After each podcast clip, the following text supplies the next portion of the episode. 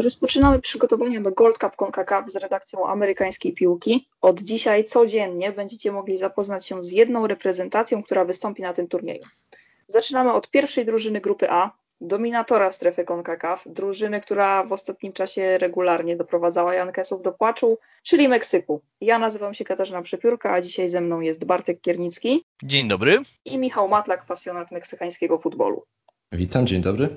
Panowie, Pierwsze pytanie, czy będzie tak jak zawsze i Meksyk kolejny raz udowodni, że jest potęgą strefy CONCACAF, czy być może ktoś im przeszkodzi? Ja bym się zdziwił, jakby się tak nie stało, że faktycznie Meksyk no, wygra ten złoty puchar, szczególnie, że mówicie, że Stany będą jechać trzecim albo czwartym garniturem, a Meksyk się na ten puchar mocno będzie spinał, mimo że tracą mnóstwo piłkarzy na rzecz kadry olimpijskiej. Y, to po tej porażce y, w finale Ligi Narodów ze Stanami Zjednoczonymi, o której na pewno jeszcze sobie powiemy, y, jest w szatni Meksykanów duże pragnienie zemsty z tego, co donoszą insiderskie meksykańskie źródła. Więc myślę, że na pewno Meksyk w pierwszej kolejności powinien być wskazywany jako, jako faworyt i zdziwiłbym się, gdyby oni w tym roku nie wygrali. Najpierw muszą wyjść z grupy. No, potem ćwierćfinał, półfinał i tak dalej. Ale... To odważnie, Bartku, odważnie. Żarty żartami oczywiście. Nie, no Meksyk oczywiście awansuje, bo to żarty żartami, ale cóż, no ja liczę na to, że po pierwsze w tym Meksyku, którym został powołany, to tam bardzo dużo graczy, którzy łapią się na olimpiadę chyba nie ma, tak mi się wydaje, bo może z siedmiu, ośmiu. Więc ta reszta kadry jest dość starszawa. Nie wiem, czy jest przerwa e, w lidze meksykańskiej, jak e, gra Gold Cup, czy, tak, czy nie? Tak, teraz jest przerwa. Liga wraca dopiero pod koniec lipca. A skończyła się już, już sezon i są. Tak, tak. Sezon tam. W sezonie. Okay. Tak. Okay, to... jest to, że my w tym momencie, wiedząc, że Meksyk jest faworytem, bo to już powiedzieliśmy otwarcie, chyba wszyscy sobie zdają z tego sprawę, to jednak rozważamy jakąś opcję, w której sobie nie poradzą. Z jakiego powodu ostatnie mecze reprezentacji Meksyku. No i może tutaj e, powiecie właśnie coś więcej o tym, jak w ostatnich meczach, jak w ostatnim czasie wyglądali podopieczni Taty Martino. No ja powiem tak, no, y, no jak na te wyniki się spojrzy ostatnie tych meczów majowo-czerwcowych, to nie wygląda to zbyt pozytywnie, bo to jest w półfinale Ligi Narodów CONCACAF 0-0 z Kostaryką, wygrana 5-4 po rzutach karnych. Później w USA ten słynny finał to jest przegrana 2-3 po dogrywce, a później jeszcze towarzyski remis 0-0 z Hondurasem, w którym, uwaga, Meksykanie nie oddali żadnego celnego strzału na bramkę Hondurasu. Tam sporo kluczowych piłkarzy nie grało, ale y, w Meksyku nie ma jakiejś paniki związanej z tymi wynikami, ani nawet mocnego niepokoju, dlatego że wszyscy zgadzają się co do tego, że gra w tych meczach była lepsza niż y, końcowy rezultat. Na przykład w finale Ligi Narodów ze Stanami Zjednoczonymi Meksyk nie był drużyną słabszą. W pierwszej połowie na pewno był mocniejszy. Meksyk tam miał sporo pecha, tak jak przeszczelony rzut karny w ostatniej minucie dogrywki przez Andresa Guardado tak jak wszystkie trzy gole stracone po stałych fragmentach gry, to, to jest pięta Achillesowa Meksyku, nad którą trzeba popracować. I ten brak Raula Jimeneza, czyli napastnika gwiazdy zespołu. Y, po grze Meksyku widać to, że brakuje Tacie Martino tej dziewiątki, żeby ta kadra była kompletna. No ale będziecie mieli nową dziewiątkę. Tak, naturalizowanego będzie... szóstego piłkarza, jeśli dobrze pamiętam z Twoich tweetów, w historii repre reprezentacji trójkolorowych. 16 ogółem, a 10 teraz w XXI wieku to będzie Argentyńczyk Rogelio Funes Mori z Monterrey, 30-letni. Też możemy sobie o nim potem powiedzieć, dlatego że na nim będzie skupione większość oczu kibiców meksykańskiej drużyny, jak się zaprezentuje. Piłkarz podobny stylem do Raula Jimeneza o którego Tata Martino zabiega już od kilku lat. Dopiero y, niedawno zmieniły się przepisy FIFA, które umożliwiły Funes Moriemu występy dla Meksyku. Bo że, on... że mniej niż 7 spotkań rozegranych dla innej reprezentacji, tak? Z tego co ja czytałem, to chyba chodzi o to, że ostatni oficjalny mecz rozegrał y, dla reprezentacji swojej pierwotnej, rozegrał w wieku maksymalnie 21 mhm. lat. No właśnie, to są jedne z trzech zmiennych. Sześć tak. spotkań, 21 lat i x lat minęło od tego czasu i coś jeszcze. Trzeciej zmiennej nie pamiętam. Tak, ale ona akurat do Funes Moriego się nie tyczy, to chyba chodzi głównie o ten 21 rok życia. Bo on grał w młodzieżówce Argentyny na Mistrzostwach Ameryki Południowej y, w 2011 roku y, w kadrze U20. Tam szczelił nawet y, dwa gole, o ile dobrze sprawdziłem. No i to mu uniemożliwiało właśnie występy dla Meksyku, który on już sygnalizował chęć od 2019 roku. Podobnie jak Tata Martino też od dłuższego czasu mówił, że chciał mieć tego piłkarza w kadrze. Teraz się wreszcie udało.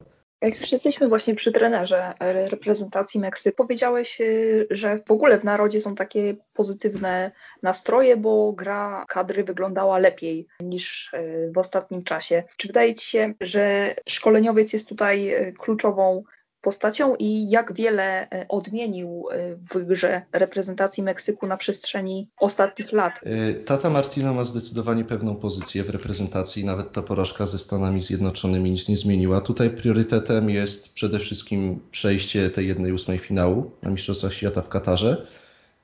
No dostanie się na ten mundial i złoty puchar. Liga Narodów była tak traktowana może odrobinę po macoszemu przez Meksykanów, przez Tate Martino na pewno, który wiele razy podkreślał, że on by wtedy wolał rozegrać jakieś mecze towarzyskie z silnymi rywalami, już pod kątem Mistrzostw Świata w Katarze, z kimś z Ameryki Południowej, z kimś e, z to rozegrał, rozegrał ze Stanami.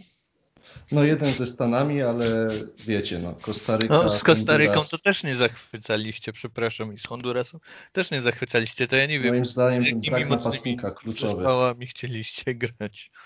Ja tu będę Dobra, Dobrze, ale teraz jest właśnie mhm. pytanie za 100 punktów. Czy jeżeli reprezentacja Meksyku, y, jej największym problemem i w zasadzie jedynym jest brak napastnika, to czy tylko ten jeden fakt może wpływać na no, tak znaczącą nawet osłabienie gry reprezentacji Meksyku, bo to byłoby zbyt dużo powiedziane, ale to jakby przekłada się realnie na wyniki, które nie pomagają tej reprezentacji. Zdaję sobie sprawę z tego, że w tym momencie jesteś trochę osaczony, bo Bartek wbijasz pileczki, no ja też nie zadaję zbyt wygodnych i łatwych pytań, ale naprawdę jest to dla mnie intrygujące, że taki trener, taka reprezentacja no jednak z niesamowitym zapleczem, bo tutaj no to, to nie jest tak, że to jest tylko jedna jedenastka, która gra nie wiadomo jak i, i tam dalej to już nie ma co szukać, tylko to jest naprawdę mnóstwo wartościowych piłkarzy. I przez to, że nie mają w zasadzie napastnika, to nie wiem, czy to jest aż tak realne, że oni mają aż tak słabe wyniki, że to jest jedyny mankament. No mówimy na razie tylko o, tych wynikach na przestrzeni ostatnich kilku tygodni, bo poprzednie, no tak, poprzednie, tak, tak, poprzednie były y, zdecydowanie spełniały oczekiwania meksykańskich kibiców. Y, jeśli chodzi o ten mankament, y, teraz wszystko się ułożyło po niepomyślnie dla Meksyku, jeśli chodzi o tą pozycję napastnika, dlatego że no, dlatego, że Funes Mori w normalnych okolicznościach byłby dopiero, nie wiem, trzecim, czwartym wyborem. Bo mamy tak, pierwszy wybór jeszcze do niedawna do gry na pozycji napastnika Raul Jimenez, no to wiadomo, ma tą kontuzję, nie gra od listopada, tam jest to pęknięcie kości czaszki, to jest absolutnie kluczowy piłkarz dla Taty Martino. Później Jose Juan Macias, y, czyli ten meksykański talent, który jest teraz powołany do kadry olimpijskiej, a poza tym zanotował spadek formy. Chicharito, który jest skreślony przez selekcjonera ze względu na dyscyplinarne problemy. Y, potem jest ten Henry Martin, Alan Pulido, ale to nie jest poziom na wyjściowy skład kadry, tylko to są bardziej tacy ligowcy. Później są jeszcze Santi Munoz, y, Eduardo Aguirre z Ligi Meksykańskiej, tylko że to jeszcze nie jest ich czas na kadrę. Oni y, potrzebują jeszcze kilku miesięcy, żeby ich talent eksplodował w pełni. No i wymieniłem już tylu zawodników, którzy mogli. No jeszcze jest Vela, prawda? Ale Vela to już od dawna w reprezentacji nie gra.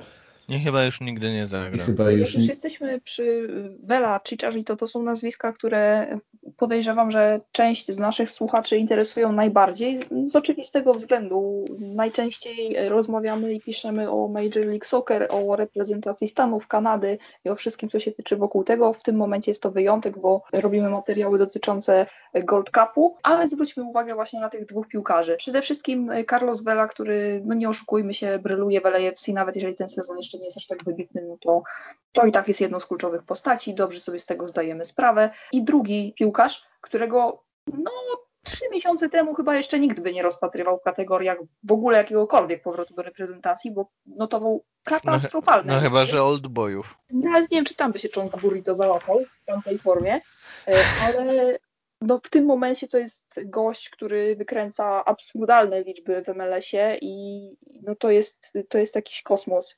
Więc y, ciekawi mnie, jakie jest w ogóle podejście w Meksyku do tej dwójki i y, czy w ogóle jakkolwiek realny jest powrót któregoś z nich do reprezentacji.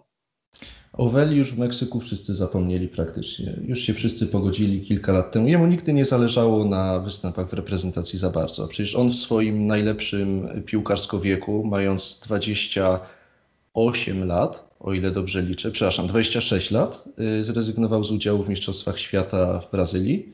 Później wrócił do tej kadry na chwilę, y, ale w 2000, no za kadencji Taty Martino on też zdecydował, że jednak rezygnuje z występów w kadrze. Natomiast i teraz jeszcze zgłosił akces, że no tak w sumie to chętnie by wziął udział w Igrzyskach Olimpijskich jako jeden z, ze starszych piłkarzy, ale Tata Martino postawił całkowicie weto, powiedział, że no nie, sorry, nie możesz sobie wybierać w jakiej kadrze chcesz grać i skończy się prawdopodobnie na tym, że no, że Vela nigdy już w barwach Meksyku nie zagra, może jakiś tam pożegnalny mecz kiedyś, ale w Meksyku po prostu uznaje się go za takiego rozkapryszonego typa, którym on chyba jest też też trochę w rzeczywistości, no, nigdy też nie ukrywał, że za bardzo go piłka nożna nie interesuje, że to jest jego zawód, ale dużo bardziej lubi sobie koszykówkę pooglądać na jakiś mecz i iść na tą kadrę też mu się chyba niespecjalnie chciało no tak, przyjeżdżać. to widać po, po tym, jak, jak udziela się jakby medialnie, jak często bywa na meczach NBA, jeżeli ma tylko możliwość i zresztą on o tym otwarcie mówił, że on po prostu nie ogląda piłki, bo się nią nie interesuje, no ale jak widać przekłada się to też na kadrę. Także już ustaliliśmy, że Vela out, to odnośnie Weli. z Chichą. No, sytuacja z Chicharito wygląda w taki sposób, że y, właściwie od niego tylko zależy, czy on w tej reprezentacji Meksyku dalej będzie grał, czy do niej wróci, dlatego że Martino postawił, y, postawił mu ultimatum, że musi przeprosić za słynne wydarzenia z września 2019 roku, czyli za problem dyscyplinarny. Wyglądało to w taki sposób, że po meczu towarzyskim ze Stanami w Nowym Jorku, kiedy Meksyk swoją drogą wygrał 3-0, Tata Martino dał piłkarzom trochę czasu wolnego. No i jak to wiadomo, jak Meksykanom dać czas wolny, wiadomo co oni tam robią. Odbył się tak zwany brunch. Układają puzzle. No, z modelkami. I, yy, na, na tą odpowiedź liczyłem. No tak, i tam też te modelki były. Skończyło się, ich czas wolny skończył się na tym, że y, wzięli udział w brunchu, tak mówi się w meksykańskich mediach, że to był brunch. Tam był wtedy Chicharito, Guillermo Ochoa, Hector Moreno, Miguel Layun, y, Marco Fabian też, o ile pamiętam. No i ten brunch się trochę wymknął spod kontroli, tam też był udział modelek. Co ciekawe, y, dwie z tych pań nawet podróżowały na koszt piłkarzy za reprezentacją po Stanach Zjednoczonych. Y, tą trasę im organizował.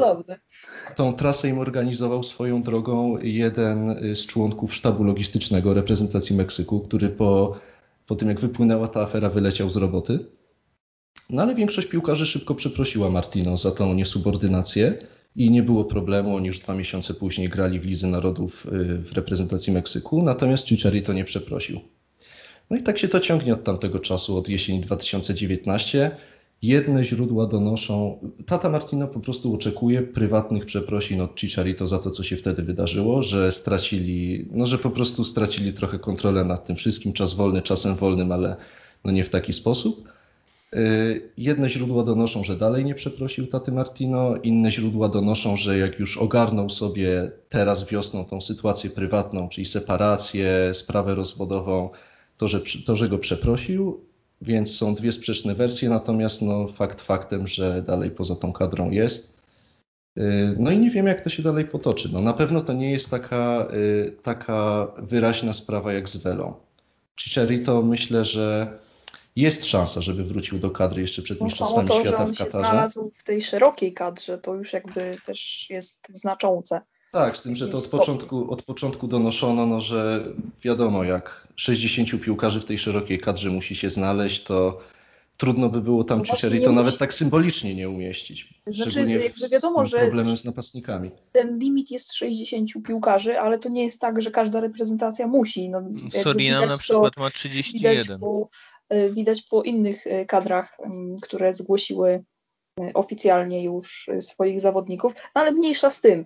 Y, wiemy przynajmniej, jak, jak ta sytuacja wygląda i wracając do tej kadry, do powołań i do tego, kto na tym turnieju potencjalnie może zagrać, wspomniałeś wcześniej o tym, że część z tych zawodników najprawdopodobniej zagra na Igrzyskach Olimpijskich. Kluczowe pytanie, jak wielu z nich odpuści Gold Cup i jak te siły się rozkładają? Która z tych imprez jest ważniejsza? Gdzie będą grali najlepsi piłkarze? I którzy z nich to są właśnie ci najważniejsi zawodnicy dla Meksyku? Sytuacja wygląda w taki sposób, że Gold Cup będzie rozgrywany między 10 lipca a 1 sierpnia, prawda?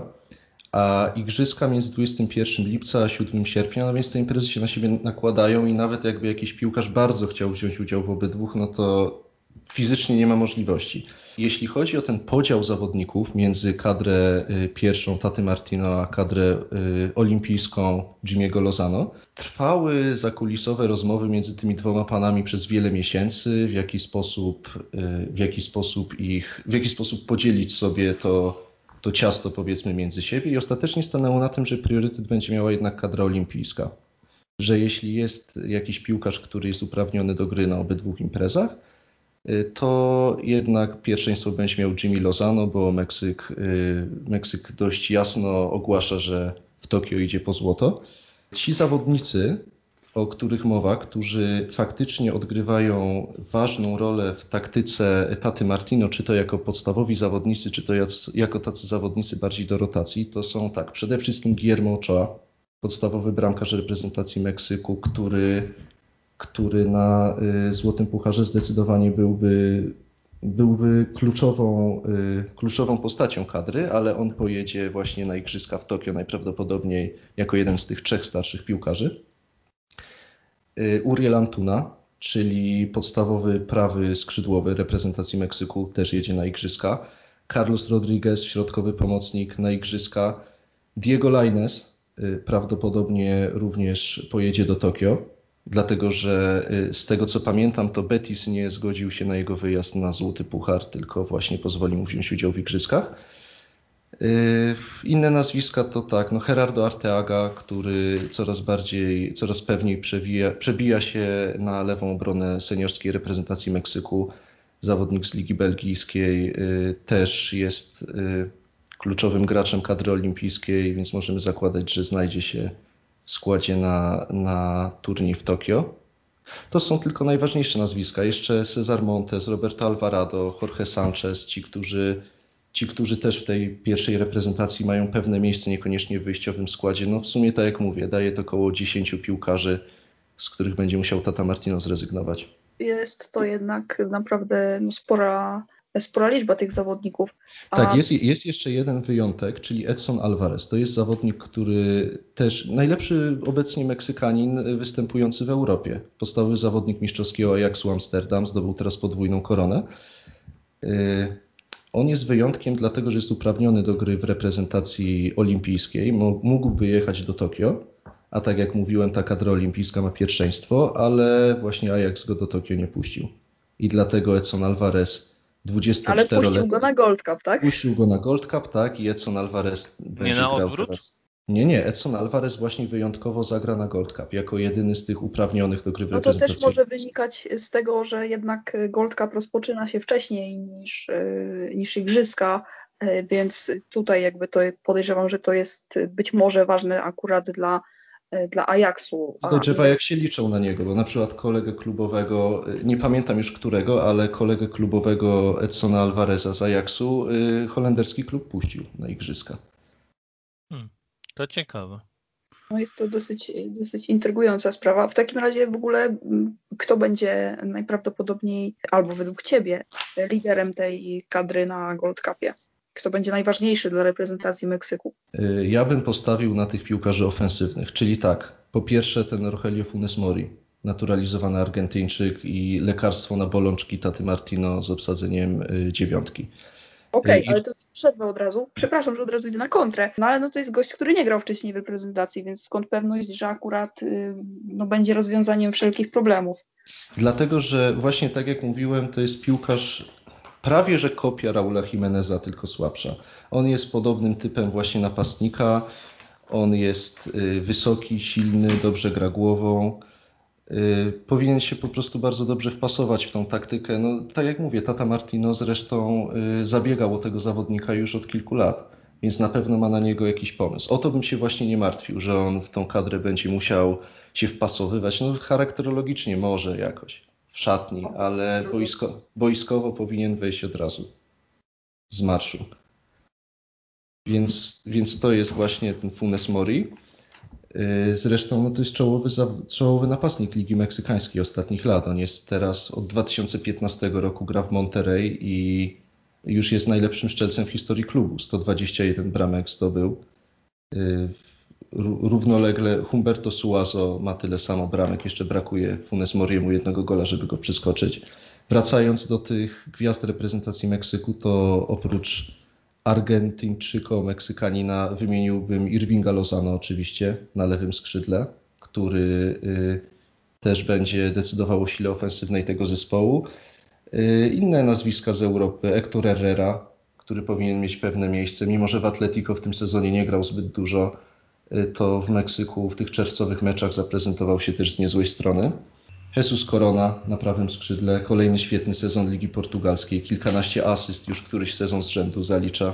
Myślę, że na te nazwiska bym wskazał. Diego Laines, jeszcze to wszystko się rozstrzyga, czy on pojedzie na Igrzyska Olimpijskie, czy na Złoty Puchar.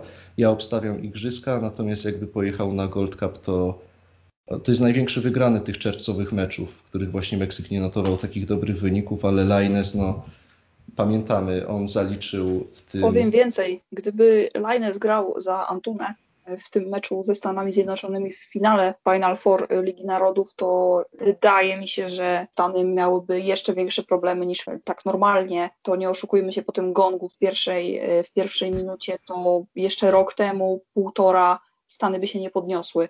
Więc to, że oni w ogóle odrobili te straty, to jest coś nieprawdopodobnego dla oczywiście dla reprezentacji Stanów, dla sympatyków Meksyku niekoniecznie, ale naprawdę wejście Lineza było dla mnie no, czymś, y, czego, co oczywiście bardzo szybko spowodowało gola dla Meksyku i autentycznie miałam takie rozważania, że gdyby grał od początku, to mogłoby się potoczyć zupełnie inaczej. Tak, to będzie wyśmienity piłkarz kiedyś. Już widać, że robi różnicę tymi swoimi zejściami, dryblingiem. No, teraz właśnie na przełomie maja i czerwca y, z Islandią w meczu towarzyskim wszedł, wszedł z ławki rezerwowych, zaliczył asystę. W finale ze Stanami wszedł z ławki, szczelił gola. Mam nadzieję, że tego Antuna już będzie luzował coraz bardziej. Antuna po świetnym złotym pucharze 2019. No, to nie jest jakiś piłkarz o wielkiej przyszłości. No, Laines powinien w ciągu kilku kolejnych miesięcy wygryźć go na tym prawym skrzydle reprezentacji Meksyku nie żeby coś, no ale gość grał w LA Galaxy i no był bardzo przewidywalny. Y, Bartku, oddaję Ci głos. Nie no, to jest porażka, że taki gracz w ogóle gra reprezentacji Meksyku. No i, i tym miłym akcentem skończę tę dywagację tej postaci. Ja no w, Me w, Meksy w, Meksyku mówią o nim, że to jest Garincza strefy CONCACAF. Dlatego, jak go wystawiają, dlatego, że jak wystawiają go na te słabsze zespoły, typu, no właśnie, nie wiem, Kostarykę, Panamę, Gwatemalę czy Dzięki. Martynikę. Wystawiliście go na Stany. Jak to miała być ukryta szpileczka, to... To ładna. To... No i właśnie niestety silniejszy rywal to Antuna. Widać, że to nie jest już poziom. No ma duży kredyt zaufania u taty Martino, ale wszyscy trzymają kciuki, żeby wreszcie zaczął wystawiać tego Lineza. Nie mam jeszcze jedno pytanko. Nawet dwa pytanka. Pierwsze pytanko, czy masz w ogóle jakiegoś jakąś reprezentację, do której no, może być ciężko, jak ją widzisz kadrowo? Nie wiem, Kanada, Kostaryka, Panama, USA, czy uważasz, że każdy jest y, bitable, jeśli chodzi o właśnie mm, strefę CONCACAF? Że Meksyk powinien wchodzić w formie faworyta w każdym y, meczu, właśnie Gold Cup, czy w ogóle meczu w strefie CONCACAF? Chyba bym tak. rozszerzyła właśnie pytanie do, do strefy CONCACAF jako całości, bo tutaj no wiemy, że część z tych reprezentacji nie będzie mogła wystawić najmocniejszych składów i to nawet nie mówię tylko o Stanach Zjednoczonych, tylko no jakby to też odbija się na innych. Czy, czy Meksyk jest naprawdę aż tak silny, żeby w ogóle się nikogo nie obawiać, tylko wchodzimy, wygrywamy wszystko i a reszta niech się martwi. Na papierze Meksyk z każdą drużyną z CONCACAF póki co jest faworytem. Z jednymi drużynami jest silniejszym faworytem, tak jak ci rywale z fazy grupowej.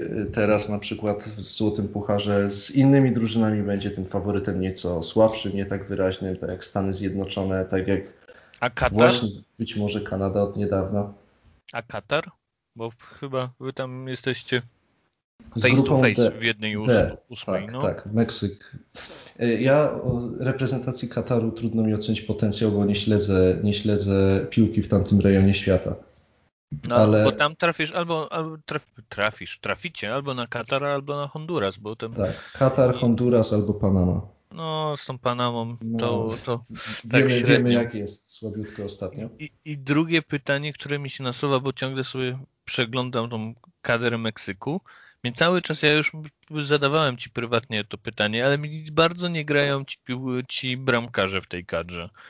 Najmłodszy to jest e, rocznik 90, a później mamy 1985, 86 i 82.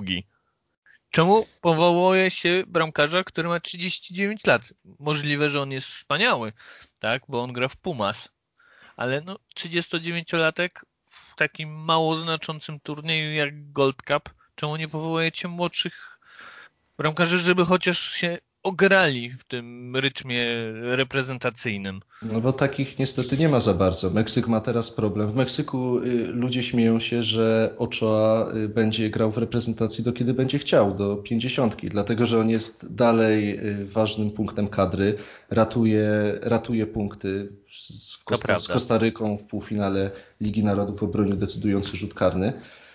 Y, natomiast, no, tak jak mówię, nie ma za bardzo y, młodych meksykańskich bramkarzy. Pojawił się teraz Carlos Acevedo, 24-latek czy 25-latek. No rozmawialiśmy o młodych. Santosu Laguna. Wieku. Nie, to młodszych. Młodszych to już w ogóle nie ma. Jest, z takich młodszych przed 30 jest Acevedo, Curado, tylko że on teraz siedzi na ławce akurat w Cruz Azul, no to jest nieciekawe. Natomiast Meksyk tych ligowych bramkarzy ma dobrych. Y, ty mi mówiłeś o tym Talawerze, który no już ma prawie 40 lat, będzie teraz pierwszym bramkarzem prawdopodobnie Meksyku na Gold Cup, ale to jest bramkarz, który nie schodzi poniżej pewnego poziomu. On od okay. 10 lat niezmiennie jest... Czyli, y, czyli nie możemy się łudzić, że jest jakaś pięta tak, tak. Ci meksykańscy bramkarze Kota, Talavera, y, Ochoa, oni są starzy, natomiast y, o obsadę bramki nie ma co, nie ma co się martwić na razie. Talavera nie, powinien być pewien. Nie może, nie, nie, słabsze drużyny nie mogą robić y, taktyki 11 na swojej połowie i raz na jakiś czas laga w światło bramki może coś wpadnie, bo emeryt nie wyciągnie. No niestety. To nie, nie. Teraz... Rozwiewasz moje marzenia. Dziękuję. Nie tym razem. Ale za 5 lat już może być trudno, jak oni wszyscy pokończą karierę. Tak. Jak Ochoa, będzie, jak Ochoa będzie na tym, na wózku takim chodziku bronił. No to Ojej. Brutalne. Ale wróćmy do, że, to wróćmy do rzeczywistości, bo troszeczkę sobie mm, odbiegliśmy i to jest jednak dla nas, jako kibiców Stanów Zjednoczonych, jakieś może marne, bo marne, ale chyba jedyne pocieszenie. Mm, ale rzeczywiście, patrząc na to, jaką siłą dysponuje reprezentacja Meksyku, no to należy się spodziewać powtórki z ostatniego turnieju, czyli po prostu najzwyczajniej w świecie jest to murowany faworyt y, do wygrania. Spójrzmy sobie jeszcze na szybko na koniec na to, z jakimi rywalami zmierzą się w fazie grupowej, chociaż umówmy się, nie ma to zbyt większego znaczenia. E, Meksyk zmierzy się z Salwadorem, reprezentacją Curaçao e, oraz e, zwycięzcą tego meczu preeliminacyjnego. No i jakby chyba sobie zdajemy wszyscy sprawę, że nieważne kto, kto wygra akurat w tym spotkaniu, no to, to nie będzie to jakiś silny rywal dla, mm, dla reprezentacji Meksyku, a możliwości są, proszę Państwa, następujące: Trinidad i Tobago, Montserrat albo Kuba i francuska Gujana. Także przejdźmy może od razu do fazy pucharowej. Znaczy, ja e, uważam, że jest mała możliwość, że Meksyk nie wyjdzie z grupy. Ale to nie ze względów piłkarskich, tylko pozaboiskowych. Jeśli dalej będą śpiewać te przyśpiewki, to prędzej czy później Amerykanie się zdenerwują i ich ukarają. Jak im y, dadzą walkowara dwa razy w grupie, no to nie wyjdą. Grają właśnie reprezentanci Meksyku. Jest to Arlington, czyli Texas, y, Dallas, Texas i jeszcze raz Dallas, czyli Texas. A to oznacza no, sporą diasporę latynoskich kibiców i meksykańskich, więc spodziewam się na. Nie jest to przypadkowy, nie jest to przypadkowy układ i jakby no chyba doskonale sobie zdajemy z tego sprawę. Chodzi o to, żeby ta frekwencja na trybunach była duża. Mało tego obostrzenia w, w Teksasie są na żenująco śmiesznym poziomie, czyli zerowym. E, to oznacza e, naprawdę wielu kibiców na trybunach i to jest właśnie to, na co Bartek zwrócił uwagę, bo przypomnijmy sobie, co się działo w finale Final Four, Final Four Ligi Narodów CONCACAF. E, panowie, może oddam Wam na chwilę głos i powiedzcie słuchaczom, co tam się wydarzyło, bo już czasu zostało nam niewiele, ale to jest według mnie istotna sprawa. Ty Bartek powiedz, bo ja tego meczu na żywo nie oglądałem. No to tak od trzeciej minuty albo piątej e, była klasyczna przyśpiewka, która powiedzmy, że w kulturze iberyjskiej nie jest zbyt sympatyczna dla osób nieheteronormatywnych, tak to ładnie ujmę. No moim zdaniem to jest wyolbrzymienie, od razu no, ci to, od razu ci możliwe. Przerwę, bo w Stanach się tak to przedstawia, natomiast w Meksyku to jest obraźliwe zdecydowanie, natomiast, natomiast właśnie no nie jest to związane tak bardzo z homofobią, tak ściśle związane, jak to się przedstawia w amerykańskich mediach. Być może, nie, ale no, zdajemy sobie z tego jeden sprawę. z tylko... trenerów za to właśnie jeden raz wypowiedziane słowo skończył karierę. E, I już nie prowadzi. I to był dobry zespołu. trener. Mike Petke To był, był naprawdę dobry trener, więc USA podchodzą do tego bardzo poważnie. Bo... I oczywiście zdajemy sobie sprawę z tego, że to jest no, niesamowita poprawność polityczna i to być może idzie powoli no nieco w złym kierunku, ale nie zmienia to faktu, że konsekwencje są takie, jakie są, mianowicie... Kibice Kanady i Ameryki powinni yy, przebierać się za Meksykanów, śpiewać te przyspiewki od pierwszego meczu i jest szansa, że Meksyk nie wygra. To też będzie miało realne jakby skutki w nadchodzących eliminacjach do tak, Mistrzostw tak. Świata w Katarze, bo pierwsze dwa mecze, które są bodaj z Kanadą i z Jamajką, e, no Grają to Meksyk zagra bez, bez kibiców. kibiców. E, więc jest to, jest to spora kara. Tak, to jest kole, kolejny Pierwsza taki... spora kara, a po drugie, no nie oszukujmy się, każdy kto pojechał na Aztekę albo ten drugi stadion, na którym zwykle grywają i nigdy go nie pamiętam nazwy, przypomnij mi. E, zwykle się gra na Aztece. Poza, i... poza Azteką tylko w Stanach grają praktycznie, a od czasu do czasu. Drugi, ten największy stadion, najbardziej popularny w Meksyku, no. to jest Jalisco. O, dokładnie, dokładnie o tym myślałem. Tak. No to na 90% oni grają, bo to jest jak narodowy, tak? Więc jeśli dwa razy, dwa, dwie reprezentacje przeżyją e, Aztekę no inaczej niż zwykle się przeżywa Aztekę, tak to powiem bardzo delikatnie, bo to jest taki kocioł bałkański, nawet może bardziej niecywilizowany niż Bałkany. Mam nadzieję, że teraz bał, bałkańska piłka nas nie będzie disować. Ale no, chodzi mi o to, że no, e, dzieją się tam specyficzne cyrki. Więc Meksyk no, troszkę dostał kary, a jeśli faktycznie mm, Amerykanie albo CONCACAF miałoby, miałyby jaja i na przykład yy, Meksykanie by stracili punkty w grupie, no to byłyby sceny. Mało jest no, to możliwe. No słuchajcie, przecież teraz odnośnie tych eliminacji, co mówicie, że Meksyk dwa pierwsze mecze gra bez publiczności, to przecież y, FIFA też podała, że kolejny taki przypadek to będzie walkover dla przeciwnika No właśnie, Meksyku właśnie mi o to chodzi. I, I, teraz się zastanawiam, czy... czy już w Złotym Pucharze czy... tak może być. Tak, no. Trudno powiedzieć. W każdym Myślę... razie jest to jedyne chyba, jest to jedyna opcja realna, e, żeby Meksyk stracił punkty w tej grupie. Mm, no nie, no I może... chyba jesteśmy zgodni w, ty, w tym, że no nie wiem, to nie jest kwestia autostrady, y, autostrady do finału, bo to jest chyba trochę za dużo powiedziane, no ale jakby nie spodziewamy się y, czegokolwiek innego niż hmm. finał dla reprezentacji Meksyku i prawdopodobnie... Nie dojście, nie dojście do półfinału to już będzie skandal.